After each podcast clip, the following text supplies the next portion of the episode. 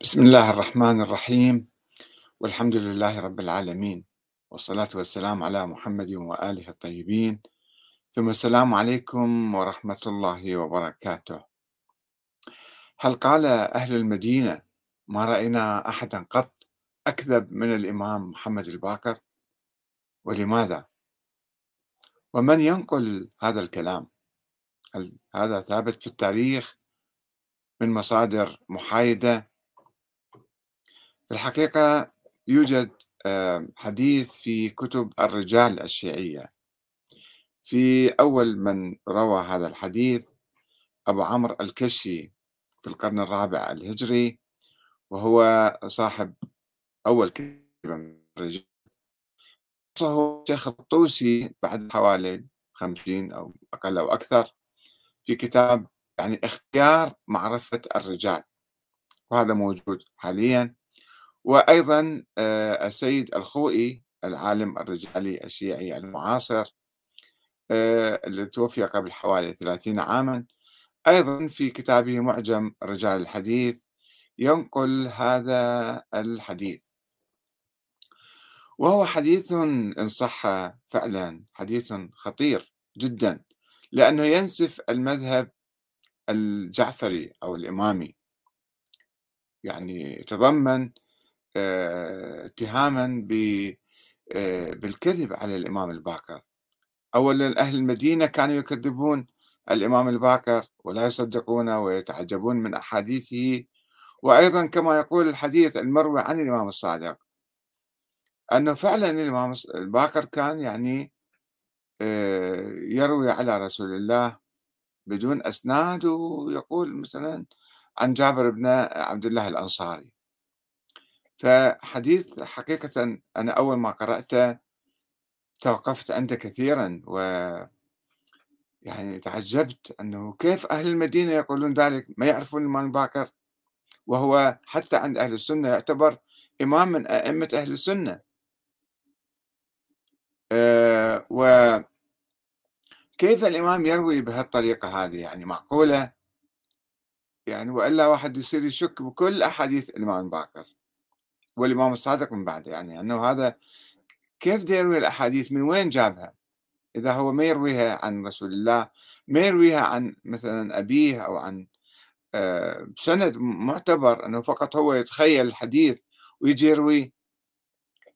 ولكن بعدما حققت في هذه الرواية ودققت في أسناد هذه الرواية وجدتها آه، يعني تتضمن عدة أشخاص من الغلاة والضعفاء. والناس كانوا يكذبون على أهل البيت.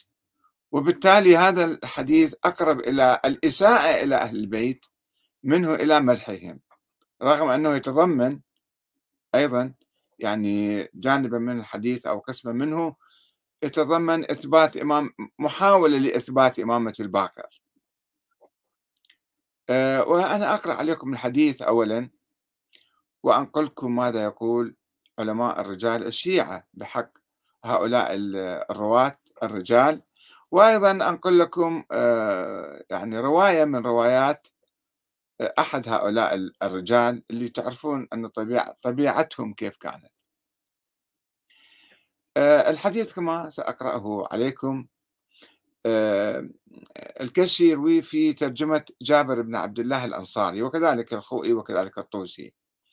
ينقل عن حمدويه وإبراهيم ابن نصير. هذا مباشرين عنده.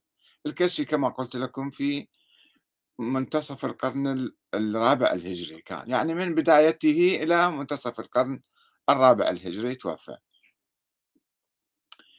يروي عن حمدويه وإبراهيم ابن نصير. لازم يكونون في القرن الثالث ذولا. آه، قال حدثنا محمد بن عيسى. محمد بن عيسى آه، العبيدي كما يقولون بس نجي على ترجمته.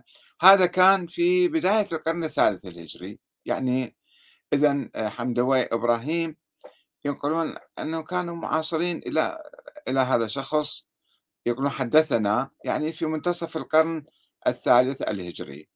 لأن هو يروي عن الإمام آه، الرضا والجواد والهادي. هذا محمد بن عيسى يروي عن محمد بن سنان. محمد بن سنان لازم يكون في آه، القرن الثاني الهجري. عن حريز عن أبان بن تغلب.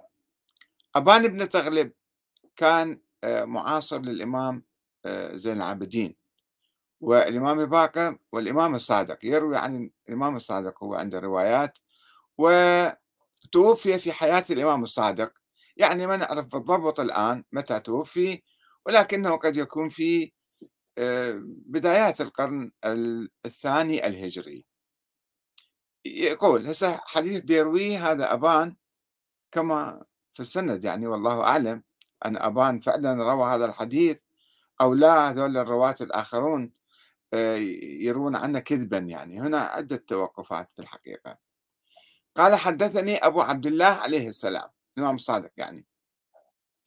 قال إن جابر بن عبد الله كان آخر من بقي من أصحاب رسول الله صلى الله عليه وآله وسلم. توفى سنة 78 في القرن الأول. وكان رجلا منقطعا إلينا أهل البيت يحب أهل البيت يعني كان هذا متعاطف معهم. وكان يقعد في مسجد رسول الله صلى الله عليه وآله وهو معتم بعمامة سوداء. يعني ما كان سيد بس يعني سوداء كان يلبسوها أي واحد كان يلبسها. وكان ينادي كان ينادي وكان أعمى صار في آخر حياته هو. وكان ينادي يا باقر العلم يا باقر العلم. بس يشكي يعني دائما هكذا ينادي. وكان أهل المدينة يقولون جابر يهجر. شنو يقول هذا؟ شنو يعني يا باقر العلم يا باقر. من يقصده مثلا؟ فكان يقول ردا عليهم لا والله لا أهجر. ولكني سمعت رسول الله صلى الله عليه وآله يقول إنك ستدرك رجلا من أهل بيتي اسمه اسمي محمد يعني.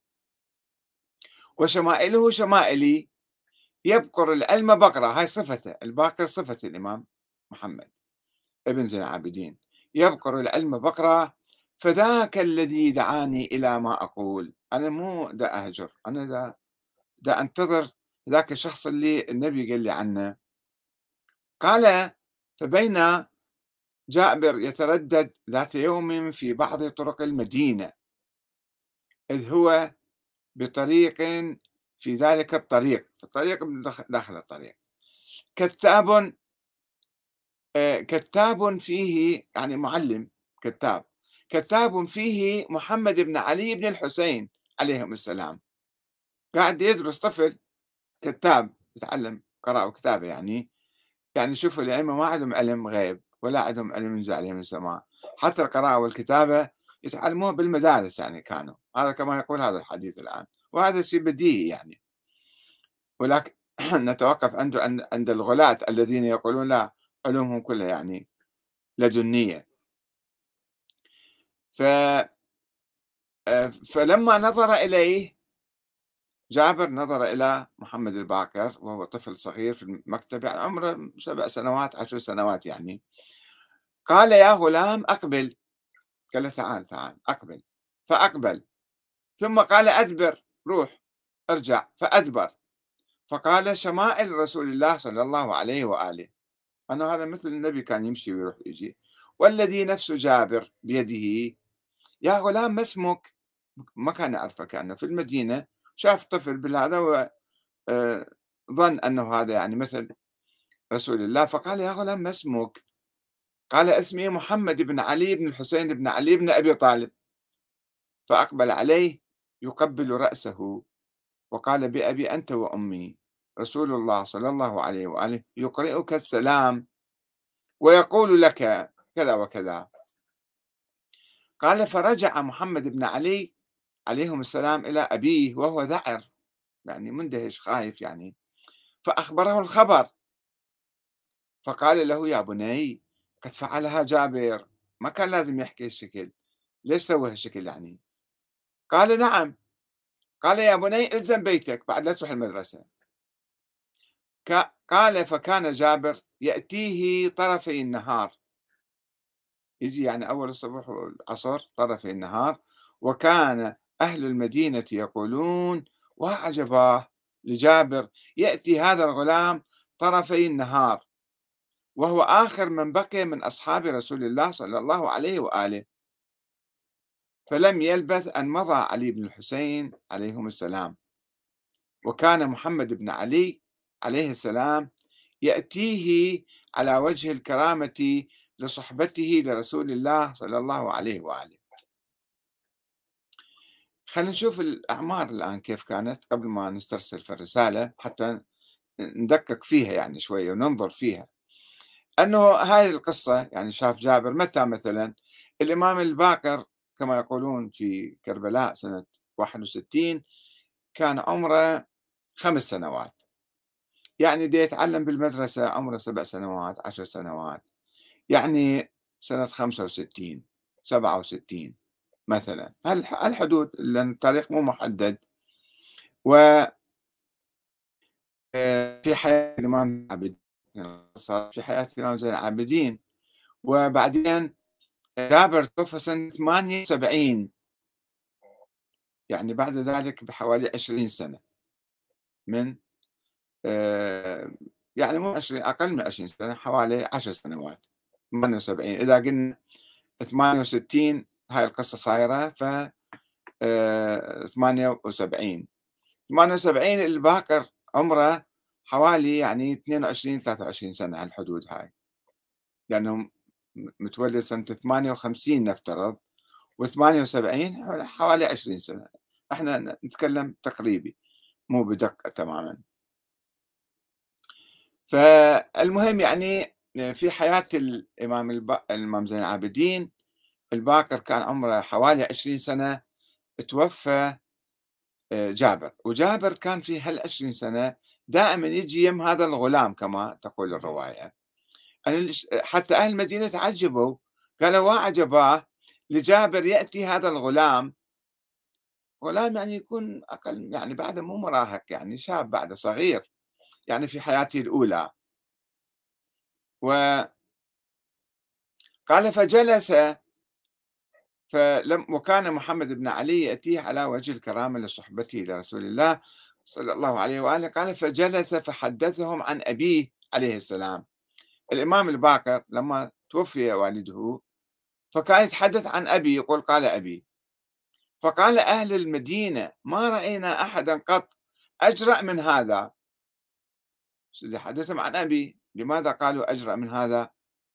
أحاديث جديدة مثلا ما سامعيها من الإمام زين العابدين. آه المهم قال فلما رأى ما يقولون حدثهم عن رسول الله صلى الله عليه وآله مباشرة صار يحدث قال رسول الله قال أهل المدينة ما رأينا أحدا قط أكذب من هذا يحدث عن من لم يره. شلون أنت ما شايف رسول الله ولا قاعد وياه. وشلون بدون أسناد قاعد تتكلم. فهذا نوع من الكذب يصير. قاعد تقول قال رسول الله قال رسول الله. قال الإمام الصادق دي تقول دي ينقل الرواية عن الإمام الصادق. فلما رأى ما يقولون شلون يكذبون الإمام الصادق دول أهل المدينة حدثهم عن جابر بن عبد الله فصدقوا فكل شيء كل حديث كان يريد ينسبة إلى رسول الله يقول قال جابر بن عبد الله حدثني جابر بن عبد الله. وكان جابر الإمام الصادق يعلق. حسب الرواية والله أعلم مدى صحتها عند أنقل لكم إياها وكان جابر والله يأتيه يتعلم منه. جابر يأتي الإمام الباكر وهو غلام يتعلم منه. ماذا يتعلم؟ لا نعرف لأن أمور الدين كلها هو متعلمها من رسول الله. فشلون يجي مثلا يتعلم من ماذا يتعلم من الإمام الباكر منين العلم الجديد؟ هذا أسئلة شوية لو واحد يتوقف فيها بهاي الرواية. هذه الرواية آه، ينقلها معجم رجال الحديث سيد الخوئي ينقل هذه الرواية في الجزء أربعة الصفحة 331 وصفحة 332 وكما قلنا نعيد ترتيب التواريخ. أن جابر توفي عام 78 وزين العابدين توفي عام 94 يعني آه، بعد بصير بحوالي ست سبع سنوات آه، أو أكثر 80 16 سنة تقريبا 17 سنة. والباكر عام 114 والإمام الباكر بدأ يتحدث يعني أحاديثه اللي نقلت عنه في الحقيقة. تنقل في الفترة الأخيرة. يعني في بداية القرن آه، أو الثاني الهجري. طيب هسه هاي الرواية فيها شيئين. فيها شيء أنه فيها آه، نوع من علم الغيب. النبي صلوات الله وسلامه عليه ليتحدث عن حفيد حفيدة. يعني الإمام باكر حفيد الحسين الحسين حفيد النبي. يعني حفيد حفيد النبي دي يتكلم أنها راح يجي فد ولد بهذه الصفات بهذه الكذا فسلم لي عليه. فسلم عليه قال رسول الله يقرئك السلام. و في محاولة من اعتبار ذلك أنه هذا نص على إمامة الباقر. طبعا الإمام الباقر لا يوجد عليه أي نص. وحتى على الإمام زين العابدين لا أحد من الشيعة يقول يوجد عليه نص صريح ثابت أكيد من النبي بالإمامة. وينقلون قصة الحجر الأسود تكلم الحجر الأسود كمعجزة أنه صار خلاف بين زين العابدين وبين محمد بن الحنفية الذي استلم قيادة الشيعة بعد الإمام الحسين ودعاه إلى اتباعه. فزين العابدين قال له لا أنا إمامتي من الله وأنت منه شنو أنت؟ ما لك حق تدعي الإمامة. فذهب واحتكم إلى الحجر الأسود والحجر الأسود تكلم بلسان عربي فصيح لإثبات إمامة زين العابدين وسلم عليه أسطورة ينقلوها حتى يثبتون إمامة زين العابدين الإمام زين العابدين أصلا ما يعرف هاي القصة ولا ذاكرها ينقلوها الكافي والكليني وذول بعدين إجوا ورا 200 300 سنة صاروا ينقلون القصص هذه. طيب إمامة محمد الباقر كيف ثبتت؟ أيضا ما في نص من زين العابدين على محمد الباقر. فهذه الرواية مختلقيها عن لسان جابر وعلم غيب والنبي ما يتحدث بهالصورة عن حفيد حفيدي راح يجي وأنت روح سلم عليه. هذا علم الغيب اللي الله قال له بالقرآن ماكو غيره. ما يتحدث النبي ما كان يعلم المنافقين في المدينة الموجودين كما يقول الله تعالى. ما كان يعرفهم النبي ما عنده علم غيب. فشلون راح يتوقع بعد مئة سنة مثلا راح يجي ولد حفيد حفيدة ويقول له الجابر روح أنت بلغ السلام. وين راوي هالرواية؟ ما حد ما راويها. صورة مستقلة محايدة ما حد ما راويها. فقط هذه السلسلة من الرواة اللي نجي نبحث أسمائهم الآن نبحث شخصياتهم. فمن ناحية هذه الرواية تحاول إثبات إمامة الباقر بصورة غيبية من من رسول الله. ومن ناحية ثانية تحكي عن موضوع تاريخي أن أهل المدينة كانوا يشكون بأحاديث الباقر يشككون فيه ويستنكرون ويقولون ما رأينا أكذب من هذا قط شلون هذا يروي عن رسول الله؟ فهذه أيضا نقطة بحاجة إلى بحث في الحقيقة. هل كان أهل المدينة فعلا يشكون أو كانوا يحترمون الإمام باكر كما أظن أنا يعني ما أعتقد كانوا بهالصورة هذه. ولكن هؤلاء الغلاة الذين كانوا يروون أحاديث عجيبة غريبة عن الإمام باكر عن رسول الله مباشرة مثل الحديث اللي اختلقوه بعدين. حديث آه، الصفحة التي نزلت من السماء. مثل الآيباد يعني في الصفحة كما يقولون بها أسماء الأئمة الاثني عشر كلهم. وهذه اختلقوها في القرن الرابع حتى يثبتون الإمامية الاثني عشرية.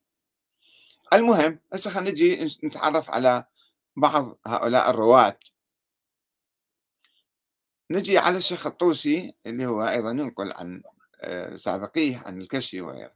يقول محمد بن عيسى ابن عبيد اليقطيني. هذا منو هذا الشخص اللي آه، راوي عن الرواة الأوائل راوي عن هذا الشخص؟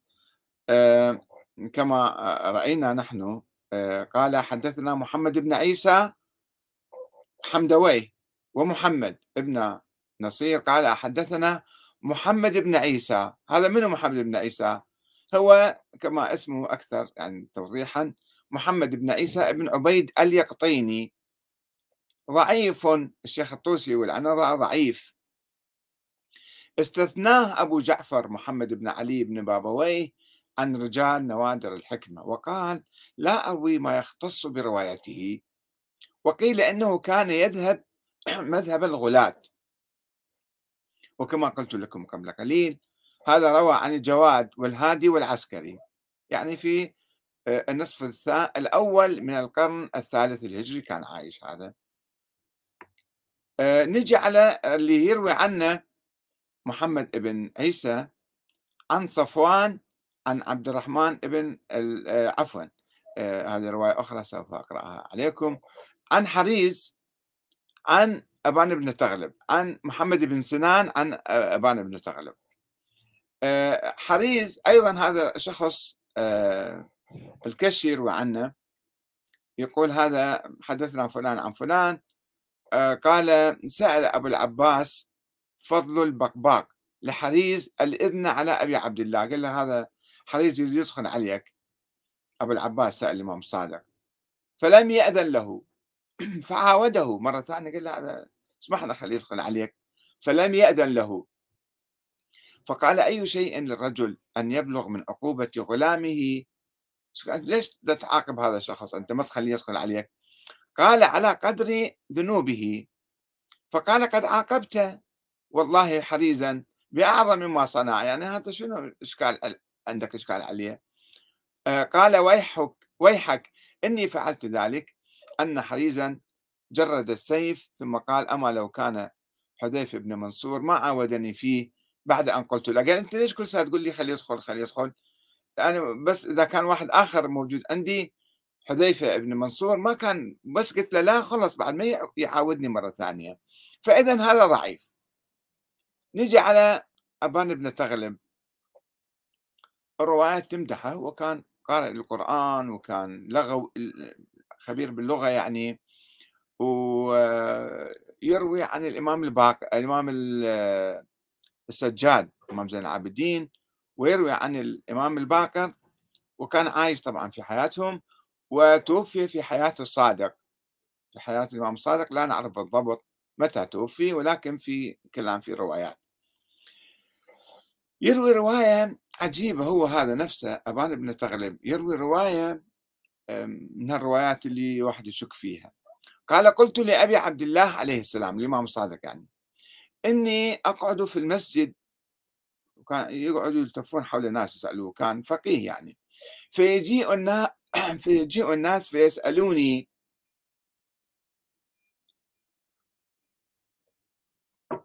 يقول الناس يجون يسألوني مسائل. فإن لم أجبهم لم يقبلوا مني. لا يقول لازم يجاوبنا. وأكره أن أجيبهم بقولكم وما جاء عنكم. إذا أعرض آراءكم يعني أنا شوي أحتاط من ذلك. فقال لي انظر ما علمت أنه من قولهم فأخبرهم بذلك. يعني روح افتيهم بفتاوى علماء أهل السنة. مو شرط تفتيهم برواية الشيعة. هاي رواية أيضا يعني هو بالتالي هو دي يتكلم. عن الإمام الصادق يقول يعني سمح لي أفتي بآراء أهل السنة. أه نجي على آه، أهم راوي مشهور في هذه السلسلة اللي هو محمد ابن سنان آه، اللي هو يلقب أبو جعفر الزاهري. توفي سنة 220 قال النجاشي ماذا يقول علماء الرجال الشيعة بحق هذا الرجل؟ نتوقف عند هذا أهم شيء. هذا معروف بالضعف والوضع والكذب والغلو قال النجاشي النجاشي عالم رجال الشيعي في القرن الخامس الهجري. قال محمد بن سنان أبو جعفر الزاهري روى عن الرضا عليه السلام. وهو رجل ضعيف جدا لا يعول عليه ولا يلتفت إلى ما تفرد به من مثل هاي الرواية اللي يرويها هو الآن. يرويها عن حريز عن أبان بن تغلب. الله أعلم. عن إمام الصادق أيضا. في أكاذيب في أشياء خطيرة يعني. وقد ذكر النجاشي يقول وقد ذكر أبو عمرو الكشي في رجاله قال أبو محمد الفضل بن شاذان لا أحل لكم أن ترووا أحاديث محمد بن سنان. أصلا هذا الرجال يعني مشبوه ومشكوك في رواياته. وقال الشيخ الطوسي محمد بن سنان في ترجمته يعني له كتب وقد طعن عليه وضعف. وقال الكشي قال حمدوي كتبت أحاديث محمد بن سنان عن أيوب بن نوح وقال لا أستحل أن أروي أحاديث محمد بن سنان. أنا ما أستحل روايتنا كلها مشكوكة يعني. الخوئي بالحقيقة يعرض هاي الآراء كلها ويتردد في التوثيق والتضعيف. والسيد الخوئي يعني في الحقيقة كما أنا رأيت في عدد من مواقع في كتابه معجم الرجال يوثق حتى مفضل بن عمر اللي كان صاحب فرقة المفوضة المغالية التي كانت تقول الأئمة الله خلقهم وهم خلقوا الكون. والرزق والحياة والموت بأيديهم. سيد الخوي يوثق هذا الرجال ويؤمن ببعض أفكاره أيضا. فهو يكاد يكون من المفوضة يعني إذا لم يكن منهم السيد الخوي. لأنه تحقيقه عجيب غريب يعني هو طريقته في في تقييم الرجال يعرض الروايات الذامة والمادحة خصوصا في الأشخاص اللي مختلف عليهم. ويجي يقول مثلا هاي الرواية المدح قبل ولا المدح بعد؟ الذم قبل ولا الذم بعد؟ المدح آه، مثلا آه، تقية أو الذم تقية لذمة تقية. يعني وبالتالي يخلص إلى أنه مثلا المدح هذا كان هو صحيح هو آخر شيء وروايات الذم هذه ضعيفة لأنها تحتمل أن تكون صادرة تقية. للتغطية على هذا الرجل. طيب شوف أنت هذا الرجل شنو يقول؟ ما هي أقواله ما هي آراؤه وبعدين أحكم عليه. ما يلتفت إلى أقواله. ما يوقف عند ماذا يقول هذا الرجل؟ ورواياته ويوثق مثلا من فضل ابن عمر. فيجي إلى هذا محمد بن سنان الليل النجاشي والكشي والطوسي وآخرون آه، يعني الفضل محمد آه، الفضل بن شاذان من علماء الشيعة كان في بداية القرن الثاني الثالث الهجري. فما ما يأخذ ذولا شوفوا شنو يقول يعلق عليه. يقول السيد الخوي يقول أقول يعني بعد ما يستعرض كل الروايات وبحث مفصل عنده. المتحصل من الروايات أن محمد بن سنان كان ممن يدين الله بموالاة أهل البيت أهل بيت النبي صلى الله عليه وسلم. فهو ممدوح صار هذا خوش آدمي لأنه كان يدين الله وجايب لنا الرواية عن جابر مثلا اللي النبي قال للإمام باقر أثبت إمامة الباقر فإذا هذا صار ممدوح. هذا شلون؟ مقياس مقياس عجيب غريب. شوف هذا شو مغالي مو مغالي لماذا ضعفوه الآخرون؟ ويستدرك يقول ولولا أن ابن عقدة والنجاشي والشيخ يعني الشيخ الطوسي وابن الغضائر يضعفوه وأن الفضل بن شاذان عنده من الكذابين. يقول له مو ذولا العلماء بعد شو تريد أكثر من ذولا؟ لتعين العمل برواياته. يقول كان إحنا أخذنا بروايات هذا الرجال رغم رواياته خرافية وأسطورية. ولكن تضعيف هؤلاء الأعلام يسدنا عن الاعتماد عليه والعمل برواياته. شيء عجيب غريب. ولأجل ذلك يواصل السيد الخوئي يقول ولأجل ذلك لا يمكن الاعتماد على توثيق الشيخ المفيد إياه. الشيخ المفيد كان مثل السيد الخوئي يوثق الغلاة ولا على توثيق علي بن إبراهيم إياه. هذا أيضا مشكوك فيه.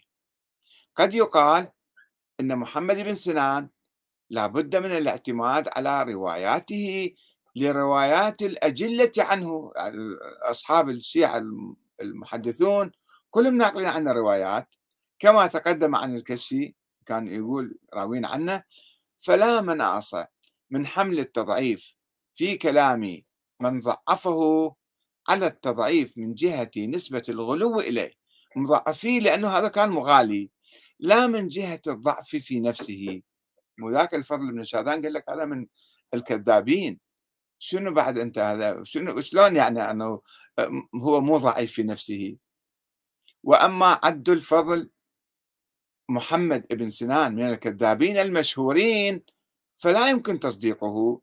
الشيخ السيد الخوئي يقول لا إحنا شلون هذا يتكلم؟ ما نصدقه. إذ كيف يجتمع ذلك مع رواية الأجلاء عنه؟ وكيف يمكن أن يروي الأجلاء عمن هو مشهور بالوضع والكذب؟ هذا سؤال عكسي بالحقيقة. إحنا لازم نشكك بهؤلاء الأجلاء اللي نقلوا عن, مشو... عن الكذابين المشهورين. وكيف نصفهم بالأجلاء؟ لأنهم فقط كانوا يسمون أجلاء كانوا هم مصادر الحديث عند الشيعة؟ لا. إذا ثبت الناس اللي معاصرين له الفضل بن شادان يبدو كان معاصر له وآخرون كانوا يقولون هذا واحد كذاب مغالي ضعيف. والسيد الخوي يقول لا شلون إحنا الأجلاء رووا عنا. تقليد صار. تقليد أعمى. الأجلاء رووا عنا يروون كل شيء. يعني روايات الكليني في الكافي 16 ألف رواية آه، في هذا الكتاب. 9500 رواية. علماء الشيعة يقولون روايات ضعيفة فقط 2000 رواية صحيحة.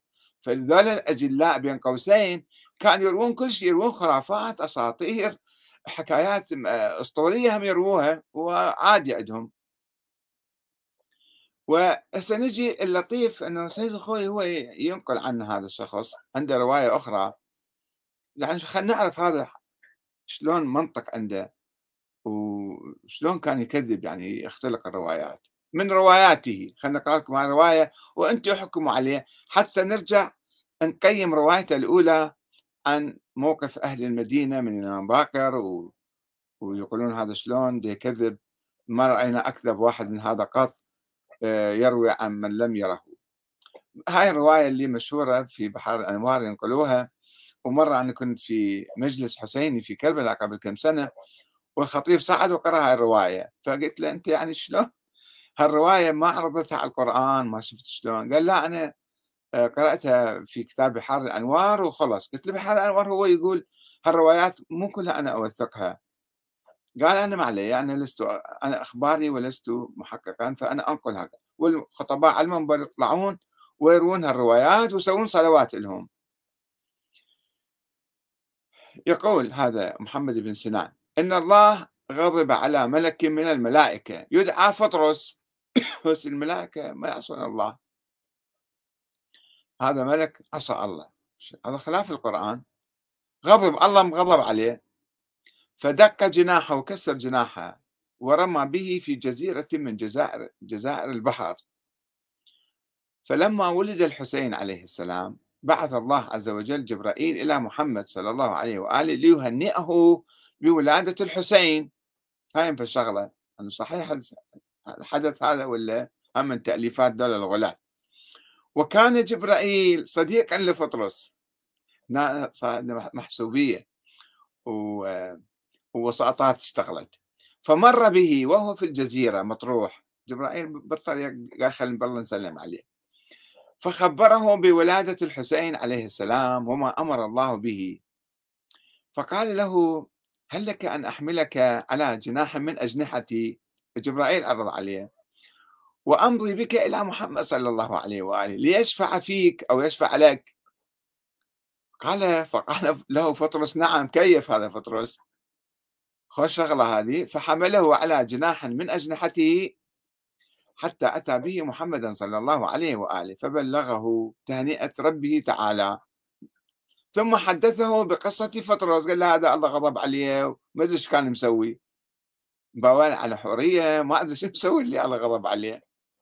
فقال محمد صلى الله عليه وآله لفطرس امسح جناحك على مهد الحسين وتمسح به جناح مكسور خطية ففعل ذلك فطرس فجبر الله جناحه ورده إلى منزله مع الملائكة. شوفوا هاي الرواية اللي هي تخالف القرآن تخالف منطق القرآن وكلها روايات رواية يعني بها أشياء عجيبة غريبة. هذا محمد بن سنان يروي هاي الرواية حسب ما ينقلها السيد الخوئي في ترجمة آه، جابر بن آه، عبد الله الأنصاري. فإذا هاي الرواية مو صحيحة وما يمكن إحنا نأخذ بها لا في المقطع الأول أنه هذا جابر بن عبد الله الأنصاري نقل تحية النبي للإمام باكر ولا في المقطع الثاني أنه أهل المدينة كانوا يكذبون الإمام الباكر والإمام باقر صار يكذب بعدين. أعوذ بالله. صار ينقل شاف ذولا ما يقبلوا من عنده واستعظمون وصاروا يحجون عليه فقام ينقل كل الروايات اللي هو يخترعها مثلا حسب ما يقول هذا الشخص آه، عن جابر بن عبد الله الأنصاري. شيء هذا منطق عجيب غريب. يعني واحد إذا صدق بهالرواية العجيب أنه السيد الخوئي والكشي والطوسي ما يعلقون عليها. يعني فقط ناقليها كذا وخلص يعني شلون نصدق بعد أحاديث الإمام باكر وطبعا في الكافي وكتب التراث الأخرى الشيعية كتب الحديث روايات كثيرة جدا عن الإمام باكر والصادق آه، عن رسول الله وعن الله مباشرة. قال الله تعالى كذا وكذا قال الله تعالى. يعني هاي الروايات أيضا نشك فيها. معقولة الإمام باكر والإمام الصادق وهم من أجلاء أهل البيت يجون روايات عن رسول الله بلا سند أو عن, عن مثلا حول حديث الغدير دائما يجيبون رواية أنه في حديث مفصل يروى عن الإمام باكر أنه مو فقط أنه آه اللهم والي من والاه من كنت مولاه فهذا علي مولاه اللهم والي من والاه وعادي من عاداه لا يجيبون حديث مفصل حول الإمامة قال رسول الله كذا وكذا هاي الخطبة الطويلة. والإمام علي أيضا عنده خطبة طويلة. خطب كثيرة ما ما مذكورة في التاريخ ولا أحد راويها إلا تروى عن الإمام الباكر. تروى عنه من أجل تأسيس نظرية الإمامة التي أنزه الإمام الباكر عنها. إنما هؤلاء الإماميون اللي يسموهم رافضة أيضا ذيك الأيام كانوا يختلقون الروايات عن الإمام الباكر عن الإمام الصادق وينسبوا لهم روايات عجيبة غريبة وعندما واحد يسألهم أنه هاي شلون منين كذا يجيبون هاي القصة. ما أدري أبان ابن تغلب هو راويها حقيقة عن الإمام الصادق. أو هذا محمد بن سنان أو الآخرون الرواة الآخرون ضعاف أيضا اللي هم بالطريق راوين هالرواية. المهم وصلت هاي الرواية إلى القرن الرابع الهجري. إلى الكشي يرويها فلان عن فلان عن فلان. خبر آحاد طبعا ما يمكن واحد يعتمد عليه كثيرا. ولكن النتيجة أنه يعني إذا كان هالخبر شوية من عنده صحيح أنه إحنا نسأل أو نتوقف عند الروايات التي تؤسس لنظرية الإمامة الروايات الخاصة التي لا توجد في أي مصدر تاريخي إلا ما يروى عن الإمام الباكر أو الإمام الصادق مثلا. يروى عنهم. هم ما قالين. أنا أشك في أنه هم كانوا يقولون. لأنه ما ما نقدر نتأكد حقيقة. بعد هل هل هالتراث هذا وهالأحاديث كتبت في القرن الرابع الهجري؟ نقلت شفاها من واحد إلى واحد إلى واحد إلى واحد وراء قبل 200 سنة 300 سنة. فكيف يمكن إحنا نصدق بالأحاديث اللي يمكن تزود وتنقص وتغير وتبدل؟ يعني إحنا في مجلس واحد في بيت واحد إذا جالسين مثلا 20 شخص أو 10 أشخاص وننقل كلام شفوي بالإذن واحد ونقول له اتكلم بإذن ذاك. فعندما يمر الخبر في هذا الصف أو في هذا البيت أو المجلس نرى أن الخبر يتغير 100% فهذه الأحاديث كلها سجلت في القرن الرابع الهجري قبل 200 300 سنة. لذلك لابد أن نعرضها على القرآن الكريم. وكل الأحاديث طبعا أكو أحاديث هي تكذب نفسها بنفسها مثل هذا حديث آه أنه الإمام الصادق يكذب الحديث مضمون الحديث هذا. آه أن الإمام الصادق الإمام باقر كان يكذب على الناس وهو ينسب أحاديث حتى يصدقوه يخدعهم يرويها عن جابر. وجابر هو كان يتعلم من عنده. شو المنطق هذا؟ شلون نبني عقيدة دينية على هذه الأحاديث وعلى هذا المنطق؟ فإذا في الحقيقة هذه الأحاديث طبعا كلها سببت نوع من الإساءة لأهل البيت والإساءة للشيعة والتشيع لأنها الناس صدقوا بها. يمكن هذا الشيخ الخطيب اللي كان في كربلاء يصدقون بكل الروايات بدون تحقيق بدون تدقيق كما يقرؤون يصدقوه. تسبب نوع من الفصل والحاجز بين الشيعة وبقية المسلمين. لأن بقية المسلمين سوف ينظرون إليهم دولة ناس غلاة أسطوريين خرافيين ومنحرفين وعقائد خرافية ليس لها أصل لا في القرآن ولا في السنة ولا عند أهل البيت. ف... وأيضا يجون ناس بعد ذلك يركبون على الشيعة ويقولون نعم نحن ورثة الأئمة نحن امتداد للأئمة. أنا كل واحد يدعي الاجتهاد يأتي يقول أنا نائب الإمام وأنا ولي أمر المسلمين وأنا الحاكم الشرعي وما أؤمن بالديمقراطية وما أؤمن بالانتخابات ولا أؤمن بالدستور. فهذا يضر الشيعة في كل مكان. يضر الشيعة ويضر علاقتهم بإخوانهم من المسلمين ويكون حواجز آه، وهمية خطيرة بين آه، المسلمين يفرق المسلمين. فمن أجل أن نتحد نحن المسلمون ونتحرر من سيطرة الطغاة والدجالين والخرافيين. لابد أن نعود إلى القرآن الكريم. وطبعا هذا الحديث آه، يعني هو يتعلق بشخص أو أشخاص كانوا قبل 1300 سنة 1400 سنة. لا علاقة لنا بهم اليوم. لا يمكن أن نتفاعل معهم. حتى لو صدقنا هؤلاء الأئمة كانوا معينين من قبل الله والنبي عينهم. وينهم الآن؟ لا يوجدون. والتراث المنقول عنهم كله تراث مشبوه ومشكوك فيه. لا يمكن ال يعني التصديق به أو أخذه بسهولة. فإحنا الآن أمام القرآن فقط. أمام القرآن والعقل. إذا بنينا مجتمعنا اليوم حضارتنا من جديد الحضارة الإسلامية التي تهاوت بفعلها الخرافات والأساطير. إذا بنينا حضارتنا على القرآن الكريم الوحي الإلهي الثابت المؤكد وعلى العقل وعلى العلم نستطيع أن نتوحد ونتحرر ونتقدم آه، ويكون لنا مكان بين الأمم. والسلام عليكم ورحمة الله وبركاته.